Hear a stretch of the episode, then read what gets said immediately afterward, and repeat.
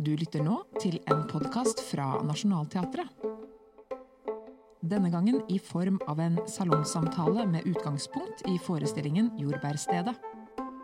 Samtalen ble spilt inn med publikum i publikumsfoajeen på Nationaltheatret. God lytting.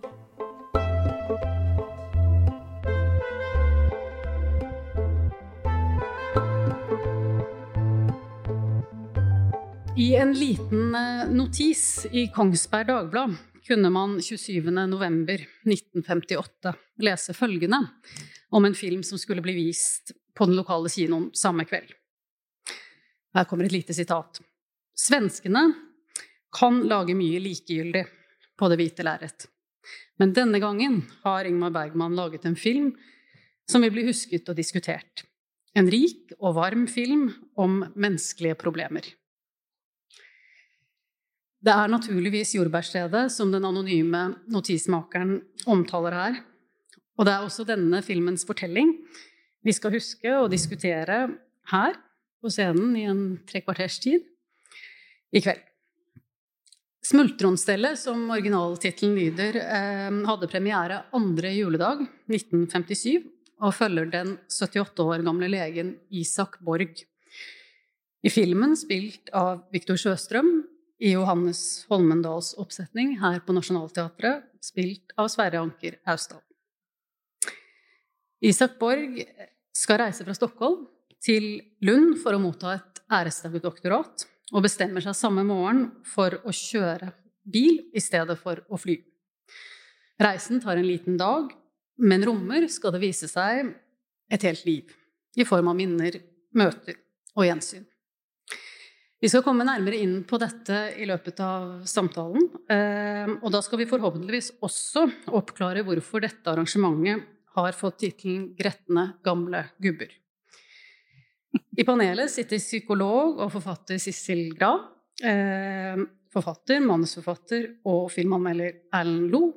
Eh, og skribent og filmkritiker i Morgenbladet Ulrik Eriksen. Jeg heter Kaja Mollerin, og vi befinner oss i publikumsfoajeen på Nationaltheatret. Og det blir gjort opptak av denne samtalen til podkastprogrammet eh, Eller til podkasten Teaterprogrammet, som dere ser vi alle er godt utstyrt for her. Jeg har lyst til å starte eh, denne samtalen med å spørre alle dere i panelet eh, om hva slags forhold dere har hatt til Bergman på ulike tidspunkt i livet. Eh, dette er jo også en fortelling som det sikkert vil fremkomme om tidens gang. Og det er litt sånn interessant å høre eh, hvordan man erfarer et kunstverk, eller ulike kunstverk, forskjellige, altså i forskjellige livsfaser. Så dette er et litt sånn åpent, eh, litt personlig spørsmål som går til dere alle. Vil du starte, Sissel? Ja, det kan jeg godt. Jeg vil tilbake til 1973. Da var jeg 22 år, tror jeg. Jeg vet ikke hvor gamle dere var da. Ikke noe særlig, tror jeg. Men, eh, ikke så veldig gammel. Jeg var ikke født. Men eh, da eh, var gatene folketomme fordi, på kvelden, fordi, altså en kveld i uka, fordi da gikk serien 'Scener fra et ekteskap' på norsk TV. Og det var tror For min mor så var det helt fantastisk og skjellsettende, men det som skjedde da. Jeg var hjemme eh, en av de kveldene og så på sammen med henne, og hun var eh, helt kjetret over det som eh, foregikk på skjermen. Og min far satt i vill protest på kjøkkenet og ropte grettent Skal du se på det skrapet av den motbydelige Bergman, er det det han heter?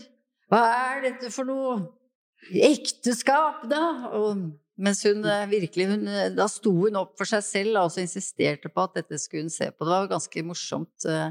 Og senere så har jeg jo brukt det Altså den filmen i ting jeg selv har skrevet, altså i mitt nåværende liv. Blant annet i et essay som jeg skrev i Morgenbladet, som heter 'Det private lille helvete', hvor en scene fra en middag hjemme da hos eh, de to hovedpersonene i Scenen fra et ekteskap, der Birgitte Andersson er, av, altså er, på besøk der sammen med sin eh, ektemann. Og de har et helvete hvor da Birgitta, eller Bibi Andersson sier nu har døren slaget igjen ordentlig om vårt privata lille helvete. Det er fordi at hennes utroskapspartner har dumpa henne, så hun er henvist til sin ektemann. Slike ting eh, kan man tenke på når man tenker på Bergman. Ja. Det høres ut som mat for en psykolog. Ja, veldig bra. Hadde faren din forresten sett noe av Bergman, eller var det bare en Nei, typisk dette fordom? var altså det, Bare det navnet kom på bane, så tror jeg så gikk han helt i fistel. Altså, jeg vet ikke hvorfor. Han tålte det ikke i det hele tatt. Han, det, det er interessant hvorfor det raseriet. Altså, det kunne vært morsomt om de to ved siden av meg kunne si hvorfor i all verden ble en mann, jeg vet ikke hvor gammel var han da, ja, en middelaldrende mann, så rasende. Altså, selvfølgelig- tematikken, selvfølgelig. Altså det vanskelige ekteskapet, utroskap og alt det der. Men um, ja, han likte jo revy. Det kan vel ha med det å gjøre. Ja, det er kanskje ikke så mye revy i Bergman. Ja. Um, um, Lo, hva er din uh, historie med Bergman? Kan minner det om Sicilian sin? Uh, ikke helt lik, men uh, Nei, jeg var, jeg var fire år i 1973, så da visste jeg ikke hvem eh, Bergman var. Nei. Men jeg, mitt, mitt første møte med han tror jeg var um, en jul hvor jeg var ja, t- tenåring. Kanskje jeg kan ha vært en 15 eller noe. Og så var hele familien, inkludert morfar og mormor, som var litt forsiktige folk. Eh, Sånn film- og TV-messig, og ellers også, kanskje. Eh, Og så var det Fanny Alexander på TV-en. Og det, da husker jeg jeg satt og så, og så kom den scenen hvor det er eh, Den ene eh, broren i den familien har, har seg, for å bruke et sånt uttrykk, med tjenestepiken i en seng, som, som detter sammen til slutt. Og det er veldig sånn glad, lystig, veldig munter, eh, morsom scene. Kanskje særlig hvis man er voksen og skjønner hva det her handler om. Og, men å se det med foreldrene mine og besteforeldrene mine var jo helt uutholdelig eh, fælt, da.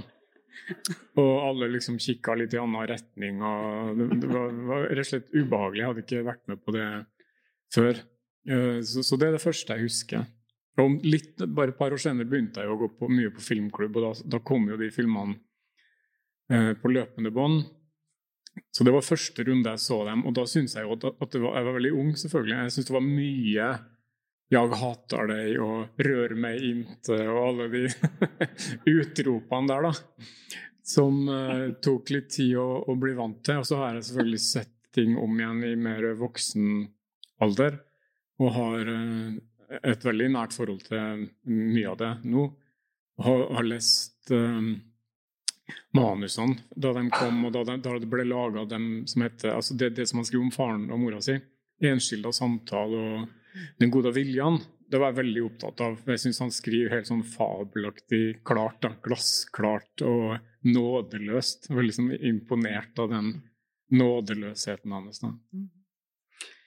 For de som har lest bøkene dine, inkludert eh, meg selv, så, så virker det ikke som du er spesielt inspirert av Bergman som forfatter. Eh, men kanskje er du det på måter eh, som ikke er så Nei, åpenbare. Jeg, jeg, jeg kommer fra noe helt annet, så det kan man nok ikke si. Men jeg setter veldig stor pris på, på den klarheten og, og det fandenivoldskheten, på en måte, og sinnet som ligger under mye av det han, han skriver der. Mm. Ulrik Eriksen, hvordan har dette vært for deg? Ja, eh, min historie minner veldig om din. Eh, og det Dere er jo litt, samme generasjon. ja, litt samme generasjon, Jeg er litt yngre, men, men det er jo interessant hvordan måte, Jeg tror veldig mange deler den introduksjonen til Bergman, at det er gjennom TV. Og det var jo fordi at Bergman i sine siste år eller på 70-tallet stort sett lagde TV-produksjoner. Og det var jo eh, en måte å utvide publikum på som var eh, da ganske radikalt for en filmskaper av hans kaliber å gjøre. da. Eh, men han lyktes jo veldig, eh, og fikk jo liksom folk til å At, at Fanny Alexander på en måte har blitt en, en julefilm, er jo egentlig helt absurd. Altså, det er jo ikke, det er ikke bare koselig Nei, nei, på det er- noe som helst måte. Og at eh, på en måte, en familie kan samles rundt TV-en og se på noe sånt, er jo helt fantastisk. Så, så det er, og også scener fra et ekteskap ble også vist liksom, primetime-TV. Liksom, og det er jo det er også helt utrolig. Så jeg, begge de to opplevde jeg først på TV, og så har jeg også eh, hatt min runde på Cinemateket med særlig kanskje Jordbærstedet, som var en veldig sånn sterk opplevelse første gang jeg så den. Eh, fordi den eh, hadde så eh, ja, det kan vi komme tilbake til. Men, eh, men eh, den har så mange forskjellige fasetter da, som jeg syns er veldig interessant. Og ofte så blir jo Bergman kanskje At man forholder seg til Bergman som en litt sånn humørløs fyr. Eh, men det er han jo på ingen måte, og, og Jordbærstedet er jo Og også forestillingen, tenker jeg, jo, viser jo liksom at det ligger mye humor i Bergman òg. Har, har Bergman vært et slags sånn kompass i din kritikervirksomhet, eh, tenker du? Ja, det kan du kanskje si. Altså, det vil ikke liksom påta liksom en sånn bergmansk eh, men, men jeg tror det For det, det jeg liksom tenker at mannen din kanskje Hvis vi skal si noe fra en manns perspektiv om det, da, så tror jeg det er den derre. Eh, faren din, mener jeg. Unnskyld. Eh, mannen til moren din. Ja, ja. Eh, eh, er det jo denne som, som Bergman har, er jo den nådeløse ærligheten. Altså den søken etter en nådeløs ærlighet. eh, og uten å blunke. Eh, og, og det er, kan være veldig ubehagelig. eh, og det kan være veldig opprørende og, og, og vanskelig å forholde seg til. Men Bergman søker alltid der. Eh, og det er jo hans styrke, og det tenker jeg bør være og det, det kan det bli veldig god eh, kunst av, da. Jeg tror du har veldig rett i, fordi det som er vanskelig for en del eh, Altså den generasjonen menn som min far tilhørte, og flere andre generasjoner men selvfølgelig, det er jo å vike unna det ubehagelige. Altså gå inn i altså følelsesmessig ubehag. Nei takk. Da tar vi en pils. Da tar vi en fisketur. Da går vi et annet sted. Og det var jo derfor han også gikk på kjøkkenet hver gang dette skulle foregå i stua. Så det tror jeg det der med å Sånt ubehag, den type ærlighet da, som du snakker om, følelsesmessig ubehag, det vil vi ikke ha. Det orker vi. For det, og grunnen til det, vet du, det var ikke noe beredskap i forhold til å håndtere det. Hvordan skal man håndtere det? Eh, En mann født i 1919, ingen sjanse til å håndtere det, ikke sant? Året etter Bergman. Hva da? Året etter Året Bergman. etter Bergman, helt riktig. Pluss at det var antagelig en slags uh, dimensjon av altså 68-ånden. Og nå skulle kvinnene begynne å? Så, så, Og den filmen ga dem jo øh, på en måte vann på mølla, og det ble farligere enn før. da, Og my mye mer ubehagelig å være mann, kan man jo tenke seg. Skal de sitte på TV-en og snakke om alle de tingene, og hva skjer med mitt ekteskap etter det? Kan man jo lett tenke seg at de kan ha tenkt, da. Ja. Er det, skal hun begynne å herje nå, liksom? Mm. Mm, ja. Da har vi introdusert et kjønnstema som eh, vi antagelig kommer tilbake til underveis eh, i samtalen. Det er jo også et, eh, om ikke eksplisitt tema i filmen, så i hvert fall et tema det er lett å snakke om etter å ha sett den, også oppsetningen. Eh, Skal vi bore litt eh, lenger inn i selve Jordbærstedet, altså fortellingen som nå går som teateroppsetning, men som også først eh, utspilte seg som, som film. Altså denne Isak Borg, hovedpersonen. Eh, hvordan vil dere beskrive ham? Vil du starte, Erlend, siden du hadde ordet sist? Ja. Um, nei, han er jo en um, aldrende Altså, vi får vite at han er 78 år, og at det er 50 år siden han ble doktor, altså tok doktorgrad innenfor medisin. Og nå skal han få sin, eh, sitt æresdoktorat, eller bli jubeldoktor, som de kaller det, i, i Lund. Eh, Så skjønner vi at han bor alene med en eh, husholderske. Filmen åpner jo med, med en scene for, Den åpner for så vidt med at han sitter alene ved skrivebordet sitt og har en fortellerstemme. Som jeg for, for øvrig syns er litt atypisk for gretne menn på film. De har sjelden fortellerstemmer. Hvis man, går, hvis man kikker etter det. eh, De, de er mye mer bare rett på og gretne, og vi ser dem i situasjoner. Men det atypiske, syns jeg, med Isak Borg, er nettopp at han har jo allerede i, før vi starter, eller i det vi starter, en refleksjon rundt sin egen situasjon. Da. At han er alene, at han har um, mista ei kone. Det står et bilde på skrivebordet hans for mange år siden. Eh, og nå skal han bli eh, jubeldoktor, men han har et slags ironisk forhold til det, kan man ane. Eh, han kaller, de kunne like gjerne kalt meg jubelidiot. Så skjønner vi jo etter hvert at uh, svigerdattera er der. Så begynner ting å utspille seg. da. Men hele filmen skal jo handle om det her. Hva er det han har gitt avkall på for å bli den han er? Hvem er det, hva er det som har gjort den til den han er? Og ensomheten er jo på en måte plakaten her. Mm. Ulrik, hva vil du Ja, eh, Jeg, jeg Supplere? også Hva sa du? du supplerer. Ja, eh, jeg tenker også at eh, mm, i denne fortellerstemmen så ligger det jo Det vi også veldig raskt får introdusert, er jo på en måte hans forfengelighet, eller hans dobbelthet i forhold til sin forfengelighet. Han måtte prøver å fremstille det som at dette ikke betyr noe for han. Eh, denne eh, staffasjen som skal gjøres på hans bekostning, samtidig som det veldig tydelig kommer frem ganske raskt hvor viktig det er, eller hvor viktig det i hvert fall andres gunst er for han, da, og at han, hvor vant han er i, i å på en måte få eh, andres oppmerksomhet og andres eh, tilbedelse, eller i hvert fall respekt, og, um, og at han på en måte næres på det. da. Eh, og, og det er, det er jo også et element i hans ensomhet, det er jo nettopp det at han, han kommer jo ikke eh, så lett inn på folk eh, når, når det er det som er utgangspunktet eh, for veldig mange av relasjonene som han har med andre. Sissel Gran, hvordan ser dette ut eh, fra ditt sted?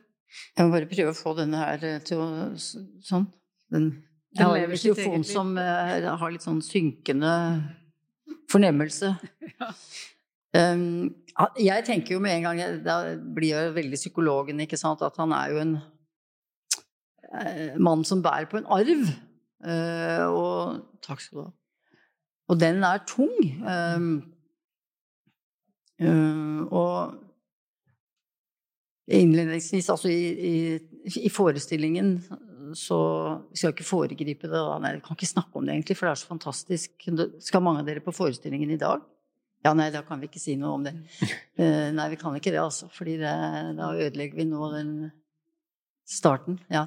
Men um, uh, han, bærer, han bærer helt tydeligvis på en arv, og han tenker på sitt liv, og um, det kommer jo frem ganske fort at um, eh, At det er noe, det er noe for prisen du betaler for å være sånn, da, for å, for å ha, være en sånn mann eller et sånt menneske som eh, er selvforsynt, som vi kan kalle det, altså som eh, fremstår som en som ikke trenger noen, eh, og som ikke som ting preller av på, som tåler alt, eller som ikke trenger andre mennesker, da. Um, konsekvensen av en sånn livsholdning, da, som jo er en nedarvet sak, selvfølgelig, for hva ligger under det? Kanskje vi kommer tilbake til det. det er, konsekvensen er jo, som, som Ulrik sier, det er ensomhet. Altså, eller, ja, eller at uh, du blir et ensomt menneske. Uh, når du liksom reiser gjennom verden på den måten. Uh, du blir litt Ja Folk får litt berøringsangst overfor sånne mennesker som er ironiske og avvisende, og som um, i tillegg har en høy posisjon og status som lege og alt det der. Så, og, og med mye makt.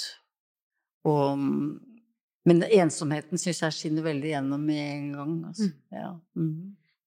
Jeg har bare lyst til å Erlend, skyte inn at uh, den rollen er jo skrevet for, eller med tanke på Viktor Sjøstrøm, som da spiller Isak Borg, og som 36 år, blir det vel, tidligere hadde spilt i en film som heter Kjørkarlen, som er en stumfilm fra 1921, som er basert på Selma Lagerlöf sin bok med samme tittel, og som har vært veldig viktig for Bergman. Han har sett den uh, mye. Vet du hvorfor den har vært så viktig? Jeg, bare, når jeg har lest om Bergman og sett intervjuer, så syns jeg han kommer tilbake til den hele tida. Og det er alt fra altså, det enkle filmspråket Kanskje du vet mer om det, Nei, Ulrik? Men eh, eh, til tematikken, som egentlig er ganske lik. fordi den har en slags eh, Hva skal man si eh, en, en, Altså Dickens en julefortelling hvor sant, en, en sint og ensom og gretten gammel mann skal få møte tre spøkelser og vise, få, få vite hvem han egentlig kan være, kunne ha vært, hvis han ikke var den han var. Uh, og det, Selma Lagerlöf har sagt at det her er hennes uh, en julefortelling versjon. Og, da, og, den handler om en, en uh, frelsesarmésoldat, en kvinne som har pådratt seg tuberkulose, ligger for døden, og hun sier 'hent um, Hva heter han? Daniel Holm. Og så får vi historien om Daniel Holm som er, er alkoholiker, og som har svikta altså sin kone, sine barn. Og, og, og den går det en og en halv time med den ene Eh, ydmykelsen etter den andre, og vi hopper frem og tilbake i tid. Og, og poenget er det samme. Vi skal fram til at uh, Daniel Holm skal reddes av en ånd og få komme tilbake og hindre sin kones og de to barnas uh, selvmord i desperasjon. Og det, det, det samme, altså livsførselen, har gjort han uh, på en måte helt ubehjelpelig og, og bort fra verden og og ensom. Så tematikken ligger jo fortsetter på en måte i, i Smultronstellet da, mange år senere. Og Bergman sa at hvis ikke Viktor Sjøstrøm sa ja til den rollen, så hadde den filmen aldri blitt laga. Og han måtte overta den, og Viktor Sjøstrøm måtte få lov til å få sin eh, whisky eller sherry eller hva det var klokka fem hver dag. Og det var liksom betingelsen for at han skulle få være med. og sånn da. Mm. Så det henger nok veldig tett sammen. Mm. nettopp. Ehm, du Ulrik, vet jeg har vært litt sånn opptatt av denne skikkelsen også i en sånn større filmhistorisk eh, sammenheng, eh, som Erlend nå jo på en måte inviterer litt til å tenke videre på. Eh, vil du ja. utdype det litt? Ja, nei, det, det er jo en, eh, en, sjanger, nærmest. Altså den, den gretne gamle mannen uh, på film. Uh, og, og, i den liksom, hollywoodske versjonen så, så er, det, er, det, en fortelling Er det en slags frelsesfortelling hvor, hvor den gretne gamle mannen blir uh, ja, Han sliter jo fordi han er eh, gretten og gammel. Han har det ikke noe godt eh, og har ingen venner fordi ingen vil være venner med en gretten gammel mann. Men så treffer han noen eh, som på, på et eller annet vis ser forbi denne gretne gammelheten. Eh, og det kan være et barn, det er ofte det. Eller så kan det være en kvinne. Eh, eller et dyr kan det også være. Eh, en hund, f.eks. Eh, Vittorio di Sica har en, sånn, en fin film med, med en hund. Og, eh, så det er Og da er jo alltid historien at, at at han får en slags redemption, han får en frelse. Han, han går gjennom en, en, en, oppvåkning hvor både han selv og opp, omverdenen oppdager at han ja, men du er jo ikke noe du har ikke noe grunn til å være gretten og gammel, og du kan jo være hyggelig og koselig, og så blir alt veldig bra til slutt. Da. Uh, og det er jo ikke jordbærstedet på samme måte. Det er vel, den forholder seg jo til noe av de samme tingene, også som Dickens er inne på. ikke sant? Altså denne et møte med sin egen med seg selv og de valgene man har gjort i livet. Men, men den er mye mer, uh, som Bergman uh, stort sett er, da, uh, mye mer ja, mindre glattmalende og mindre forskjønnende. For virkeligheten er jo ikke alltid så enkel som at alt bare ordner seg til slutt. Heller ikke for Isak Borg. Nei, sånn er det. Det er jo et slags paradoks i denne fortellingen at uh, denne mannen som måtte ha brukt veldig mye krefter og tid på å holde andre på avstand, både bevisst og ubevisst antagelig, um, ender da med å kjøre denne bilen ned til uh, Lund. Uh, og denne Den er jo for så vidt ikke så liten. det er jo plass til veldig mange mennesker i den. og I løpet av denne turen så det jo, er det jo veldig mange mennesker som pakkes inn i denne bilen. som at eh, Han blir jo påtvunget en form for sosialitet som han samtidig ikke helt stritter imot. Men, men altså, bilens funksjon i denne fortellingen er litt uh, interessert i oss. Så må vi huske på at vi skal tilbake til arven Sissel på. Men uh, har du noen uh, tanker om de menneskelige relasjonene som, som, viser seg i denne Jeg husker ikke bilmerket på denne Packard. mm. Nei, jeg legger jo spesielt merke til det ubehagelige ekteparet som havner inn i den bilen der, og det, og det veldig interessante ved det, det er at de blir forvist. Altså, de blir kastet ut i løpet av reisen, og det er veldig interessant. At de får ikke lov til å terrorisere de andre reisende. Og det syns jeg er litt interessant at Bergman kaster dem ut. Han, for han jo, har jo ganske stor forkjærlighet for sånne par som er, sitter fast i sånn strindbergsk dødsdans, altså en sånn rundløype som terroriserer omgivelsene. Så de rett og slett får fyken, og det syns jeg er veldig morsomt, da, altså, å se at han eh, Jeg tenkte, hvorfor gjorde han det, liksom? Han ville, akkurat som han ikke ville, han ville ikke ha det. Det fikk, nå fikk det være nok med det, liksom. Det en, så det er en skikkelig Det er en interessant sånn roadtrip eh, som foregår på scenen på en veldig morsom måte. Da. Dere kommer til å synes at det er veldig interessant. Jeg skjønte det ikke med en gang eh, at det var en bil, men det, det er det altså. Um, så, men det, nei, jeg syns det er artige skikkelser. Um, uh, og jeg syns jo det, noe av det mest interessante, det er jo altså svigerdatteren. Ja. Marianne, som jo er på en måte Hun er jo nesten ånden, da. Uh, ikke mm. sant? Som vil vise ham, ikke sant? Er, er, er, hun ikke det, egentlig? Hun er jo det. Altså den dickenske ånden. Altså, jeg skal vise deg hvorfor du har blitt som du har blitt, og hva du har gjort med menneskene rundt deg. Og skal, hun er et ordentlig sånn sannhetsvitne tilbake i tid. Um, og forteller ham altså veldig rett ut uh, hvilke overtramp han har begått, og hvorfor han er uh, uh, mislikt. og han tar det til seg. Uh, Iallfall i denne oppsetningen så mm. tar han det til seg. Og det er ganske Så det, egentlig er en ganske sånn fin beskrivelse, ganske rørende beskrivelse av forholdet mellom Isak og svigerdatteren Marianne. Jeg synes var, Det var overrasket meg, faktisk. Mm. Det kan vel være at det er en vri her på Nationaltheatret, måten man har gjort det på. Men hun er i ånden. Altså hun er den som viser Se hva du, se hva du har gjort, og se hvor du har endt opp. Mm. Ja, for jeg, jeg, tenker I filmen så tenker jeg at det er litt større grad av eh, tvisyn her på i hvilken grad Isak eh, tar til seg mm. eh, det Marianne sier.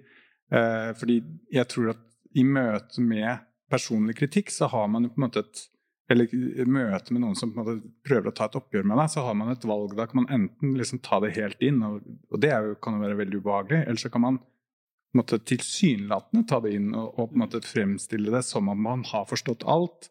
Og dermed så oppnår man jo to ting. Man oppnår både å få anerkjennelsen om at man har tatt det inn, samtidig som man slipper ubehaget ved å på en måte forholde seg til det.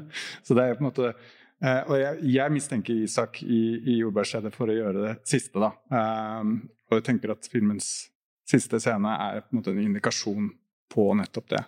Uh, men som, her i stykket er det kanskje litt mer åpent. Men det blir en tolking. Mm. Men var, jeg var egentlig overraska da jeg så stykket over, om, um, eller, over hvor tett på replikkene fra filmen det er. Det er nesten én til én, ofte, da. Veldig mye um, likt. Og så er det selvfølgelig gjort uh, noen vrier, og det legges opp f.eks. til litt mer uh, ja, munterhet uh, og latter enn en filmen gjør, da. Men det du sa om den bila, ja, det er på en måte Det er jo en road movie, må vi jo si. Og Europas første, faktisk. Ja, det? Mm. Og, og, og, den størrelsen på biler eh, er jo Minner jo litt Eller funksjonen som den får, jo, minner jo litt om det derre um, ukrainske eventyret som jeg husker fra jeg var liten, og som jeg har lest for barna mine, om Ulvåtten. Ja, ja. Hvis dere husker det. Mm. Så det er liksom det er noen som har mista en vott, og så kommer det en mus, og så kommer det en ulv, og så kommer det en rev og en hare og en bjørn, og det er veldig mange dyr til slutt. da. Det er plass til alle. Uh, og, og, sånn er det jo her òg. Det altså det er tre unge som står helt på begynnelsen av livet. Studenter, ei jente som ikke vet om hun skal være forelska i den presten, han som skal bli prest, eller han som skal bli eh, lege. Og så er det paret. Og så har vi da uh, Marianne og, og, Isak. forskjellige konstellasjoner. Og når de kastes ut, som du, som du var inne på, så er det jo fordi det, det er barn i bilen. Og de, ikke, de, skal få slippe å bli bederva og det der ødelagte ekteskapet mm. mens de er mer forelska og mm. uskyldige. Da. Ja. Mm. Jeg vet at da filmen ble markedsført i Sverige, så, så, fokuserte de veldig på at det var en road movie, da, selv om det på en måte var ikke en veldig sånn etablert sjanger i Europa på den tiden. Så, men de, det de gjorde, var at de lagde de, man, kunne, man, kunne kjøpe sånn kart som viste ruten de kjørte fra uh, Stockholm til Lund. Også, og med markert hvor de stoppet på verden. Og så kunne man uh, kjøre den turen, altså stoppe der og campe. Og liksom. Så det var, måte, gjorde det til en, en, en bilopplevelse da, uh, som man kunne gjenta. Og det har jo noe med at, også at Sverige lå jo ganske langt fremme når det kom til uh, bil, bilens posisjon. Allerede på 50-tallet var jo veldig dominerende. Så Eh,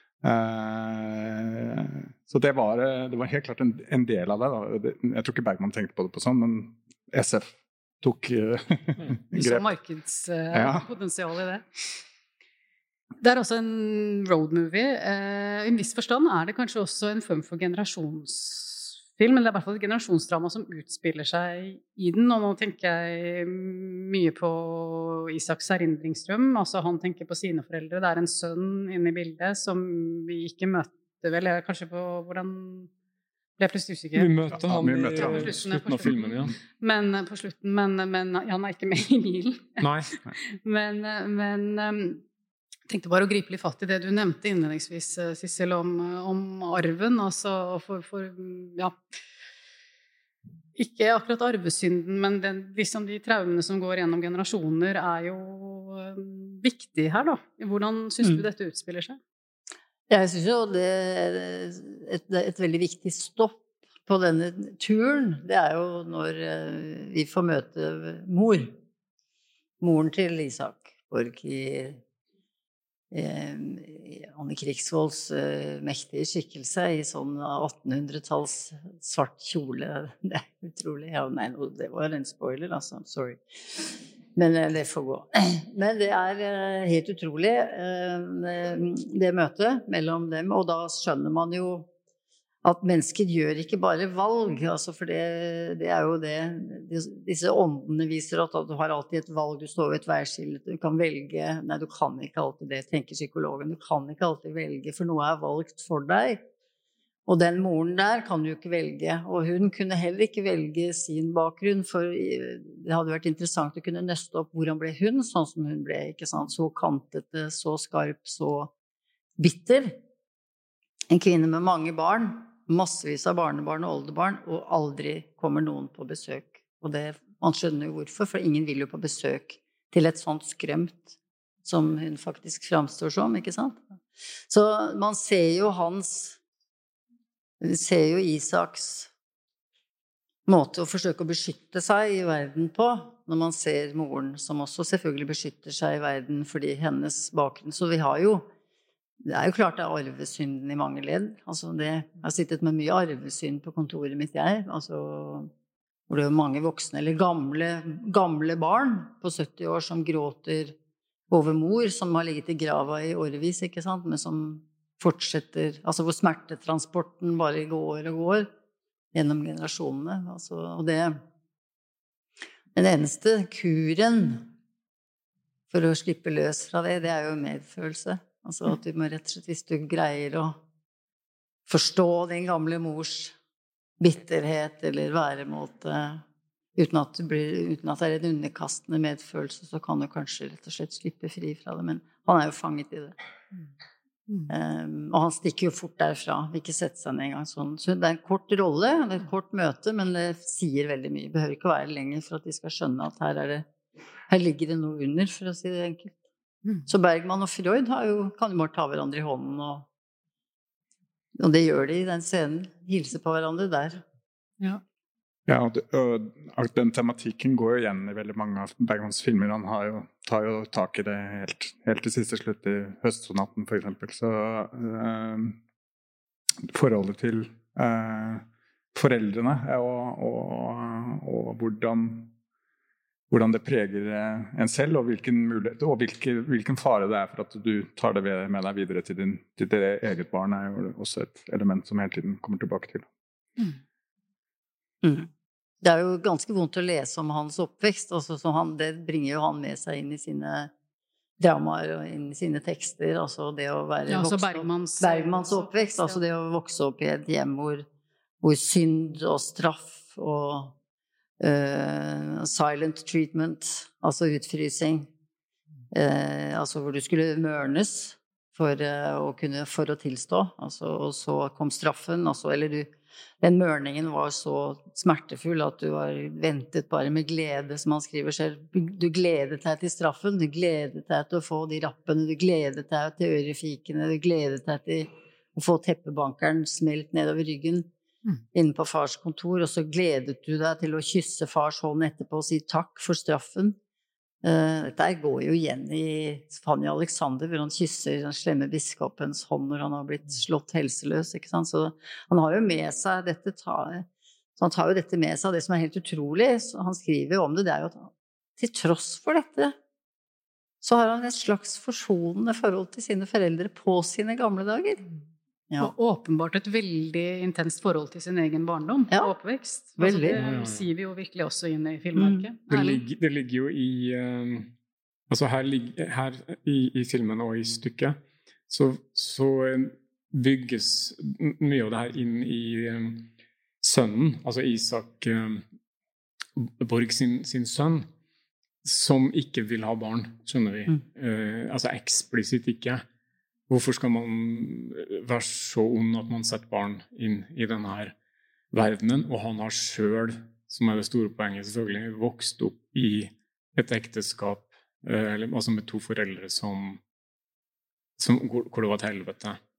Så det, det, er jo det som ligger under eh, alt her, da.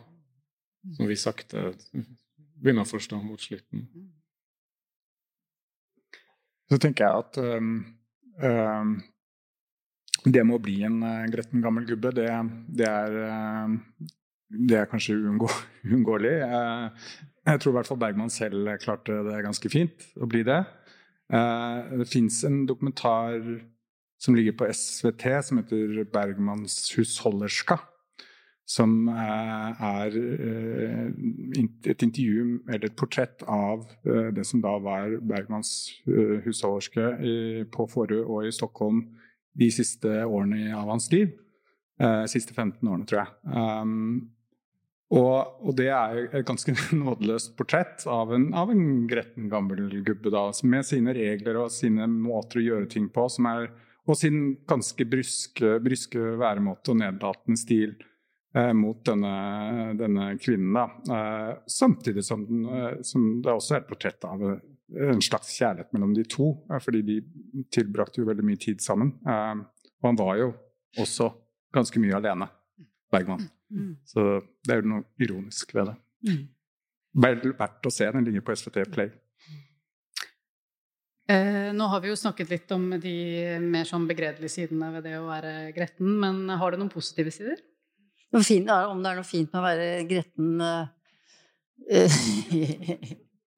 ja, vil jeg si. Eh, jeg tror at hvis du For det det, det kan handle om, det er at du at du ikke er en smisker. Du Og det er jo Altså, det ligger noe befriende i det, kanskje også å være vrang. Altså, for å kalle det det, være sånn Du finner deg ikke i alt går dine egne veier. Du er ikke avhengig av uh, ros og bekreftelse hele tiden. Altså veldig mange kvinner, det vet jeg, veldig mange kvinner her, vet jo hvor slitsomt det er å drive og overtilpasse seg og være hyggelig og grei alltid mot folk du egentlig er drittlei. Uh, men du gjør det allikevel fordi man vil ha bevare det gode vennskapet eller bekjentskapet, i det minste. Sånn at det er jo mye forstrekkelse ute og går i sånn vennlighet. Så og denne overdrevne vennligheten som vi kvinner driver mye med. Jeg husker jeg var på et sånn turnparti en gang for veldig mange år siden, hvor vi først skulle legge oss ned alle sammen. Og hun som da drev dette, hun var en voksen dame. Og dette var et pent sted på vestkanten. Jeg bor på østkanten, så jeg var litt forskrekket over det hele. Men um, det første hun sa, da lå jo alle damene, det var ikke noen menn der, det var jo bare damer. Så sa hun Ja, det første vi skal gjøre nå, kjære dere Nå tar dere det lille, øh, vennlige smilet deres av dere, og så legger dere det til side ved siden av dere, og så tar dere ikke det på før dere går herfra. Nå kan dere være dere selv, ja. Det, og det er, eh, det er, ganske godt sagt. Uh, det, så det er jo noe Det er jo noe befriende ved å ikke hele tiden tenke på hvordan du oppfattes, og hvordan du ser ut i ansiktet, og uh, Ja. Forstår dere hva jeg mener? Ja, det, det nikkes. Så det er, noen, det er noen gevinster ved det, men, men som jeg sa i stad, så prisen du også betaler, det er jo ensomhet, kanskje, da. Ja. Mm. Ja, vi har to menn i panelet som kanskje ja, vil legge til noe. Jeg tenker vel at det ikke er så Ja, selvfølgelig. Det kan være positivt å ikke la seg herse med og si fra og være ærlig og sånn, men um, ikke så lett, synes jeg, å se mange positive ting med det å være gretten, om du er ung eller, eller, gammel. Men for fiksjonen, for film og litteratur, er det veldig positivt at det fins uh, sånne folk. Både mm. menn og kvinner, da, selv om det er flest menn som har havna i uh, i hvert fall de mest klassiske fortellingene, da. Mm. Uh, Hei, Heidi, for eksempel, var kanskje mitt første møte med sånn uh, gretten gammel gubbe. Heidi fra altså den romanen fra et eller annet 1880 eller 70 eller noe. Uh, som uh, må flytte fra om det er Salzburg og bo hos bestefaren sin oppe i Alpene. Og han er en skikkelig uh, mannevond fyr, da. Og bor jo ikke engang i bygda, men enda mye høyere opp. Og alle er redd for han. Og så skal han selvfølgelig smeltes inn i grunnvollen av, av Heidi, da. Mm. Mm. Det, er, det, er, en scene i Jordbærstedet hvor han er på vei eh, ja, i det området hvor moren bor, og der har han da jobbet som landsbylege i mange år. Og så blir, Eh, så fyller han bensin, og så blir han på en måte veldig sånn kurtisert nærmest av den lokale bensinforhandleren. Som er veldig opptatt av Isak Borgs fantastiske praksis som lege. Og at han var, fungerte som at han var den mest vidunderlige doktoren ever. Og så sier Isak Borg litt sånn for seg selv at det var kanskje her jeg skulle blitt. Uh, og og det ligger jo i det at Der tenker jo Isak Borg at hvis jeg hadde blitt her, så hadde jeg jo ikke blitt en gretten gammel gubbe. Da hadde jeg ikke trengt å bli en gretten gammel gubbe, for her, her forstår de meg, her blir jeg elsket, her har de den respekten jeg fortjener. Og eh, her trenger jeg på en måte ikke å gjøre noe for å få eh, venner eller oppmerksomhet. Så det er, det er, den drømmen om en sånn ja, At man skal kunne oppnå eller slippe å bli gretten og gabbel, eh, men ikke måtte gi noe tilbake, da. Eh, som jo han prøver å finne. eller sånn, lager en fantasi for seg selv om at det hadde vært mulig, da. Det er en veldig interessant scene, syns jeg, men du er litt hardhendt i tolkningen din, da.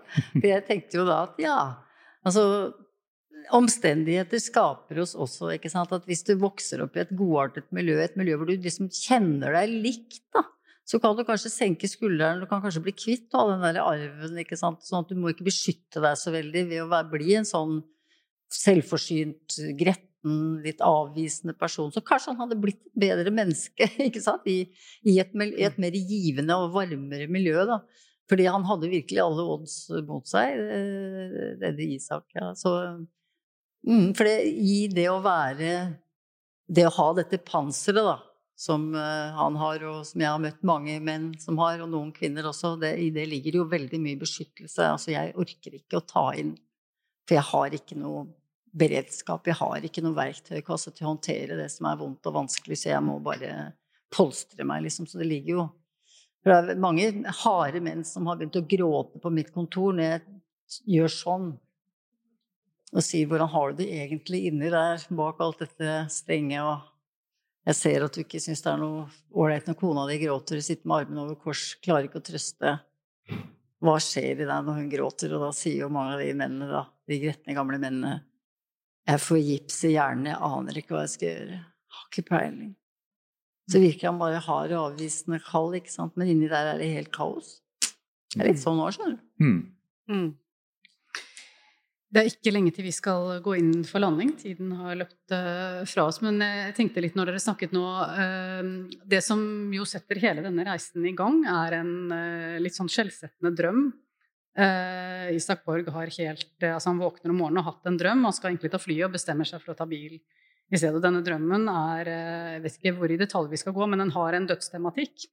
Og jeg lurer litt på hvor Hva er det som Ligger den dødsbevisstheten litt sånn under historien, tenker dere, som en igangsetter for denne liksom, forsøket på selvrefleksjon, eller altså, hva, er som hva er det som setter i gang i dette tilfellet, Vi kan snakke spesifikt om Jordbærstedet, eh, eller mer generelt også. Altså, hva er det som starter en sånn selverkjennelsesreise for et menneske?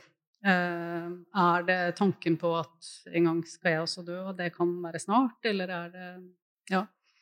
Hva er det? Det er et åpent siste spørsmål som uh, går til dere alle. Erlend, vil du starte? Jeg tenker i, I filmen her så er det jo satt opp Som du sier, så er det en veldig tydelig dødsdrøm, da, som dere som skal se det etterpå, kommer til å høre veldig tidlig. Um, og han skulle jo egentlig stått opp med sin uh, husholderske Agda og tatt fly. Men han har blitt urolig. Han har våkna lenge før tida. Og han kommer på tanken kanskje, kanskje jeg skal gjøre det på en annen måte. Og det, det, kan man jo nesten bare tolke som at nå har det vært, han har vært inne i noe mørkt. Han har behov for den tida uh, som, som, man får. da. Det nevnes 14 timer. Uh, hvor han kan kjøre sakte og være i sitt eget hode.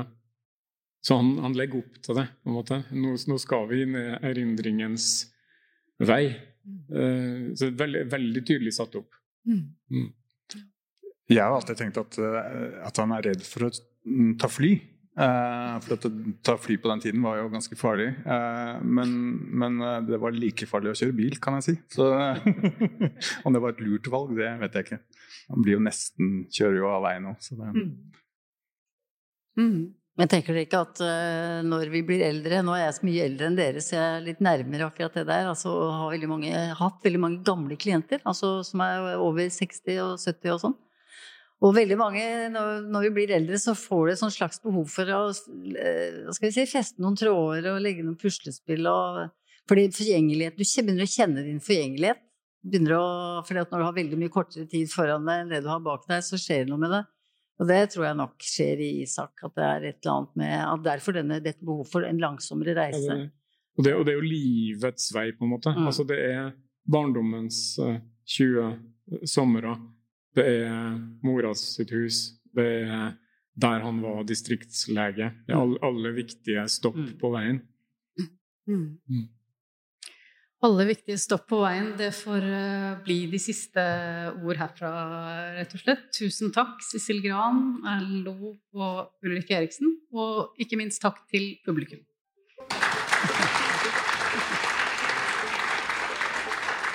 Takk for at du hørte på teaterprogrammet. Ideen til denne salongen var ved meg, Gunhild Aarebrot Kilde. Lydtekniker var Arne Gamst Sæter, og produsent var Olav Johansen. Mer informasjon og innsikt om forestillinger og arrangementer finner du på nasjonalteatret.no. Følg oss også gjerne på våre sosiale medier for mer informasjon og innhold produsert på, bak og rundt scenen. Og så høres vi i podkasten vår Teaterprogrammet, og vi sees i teatret.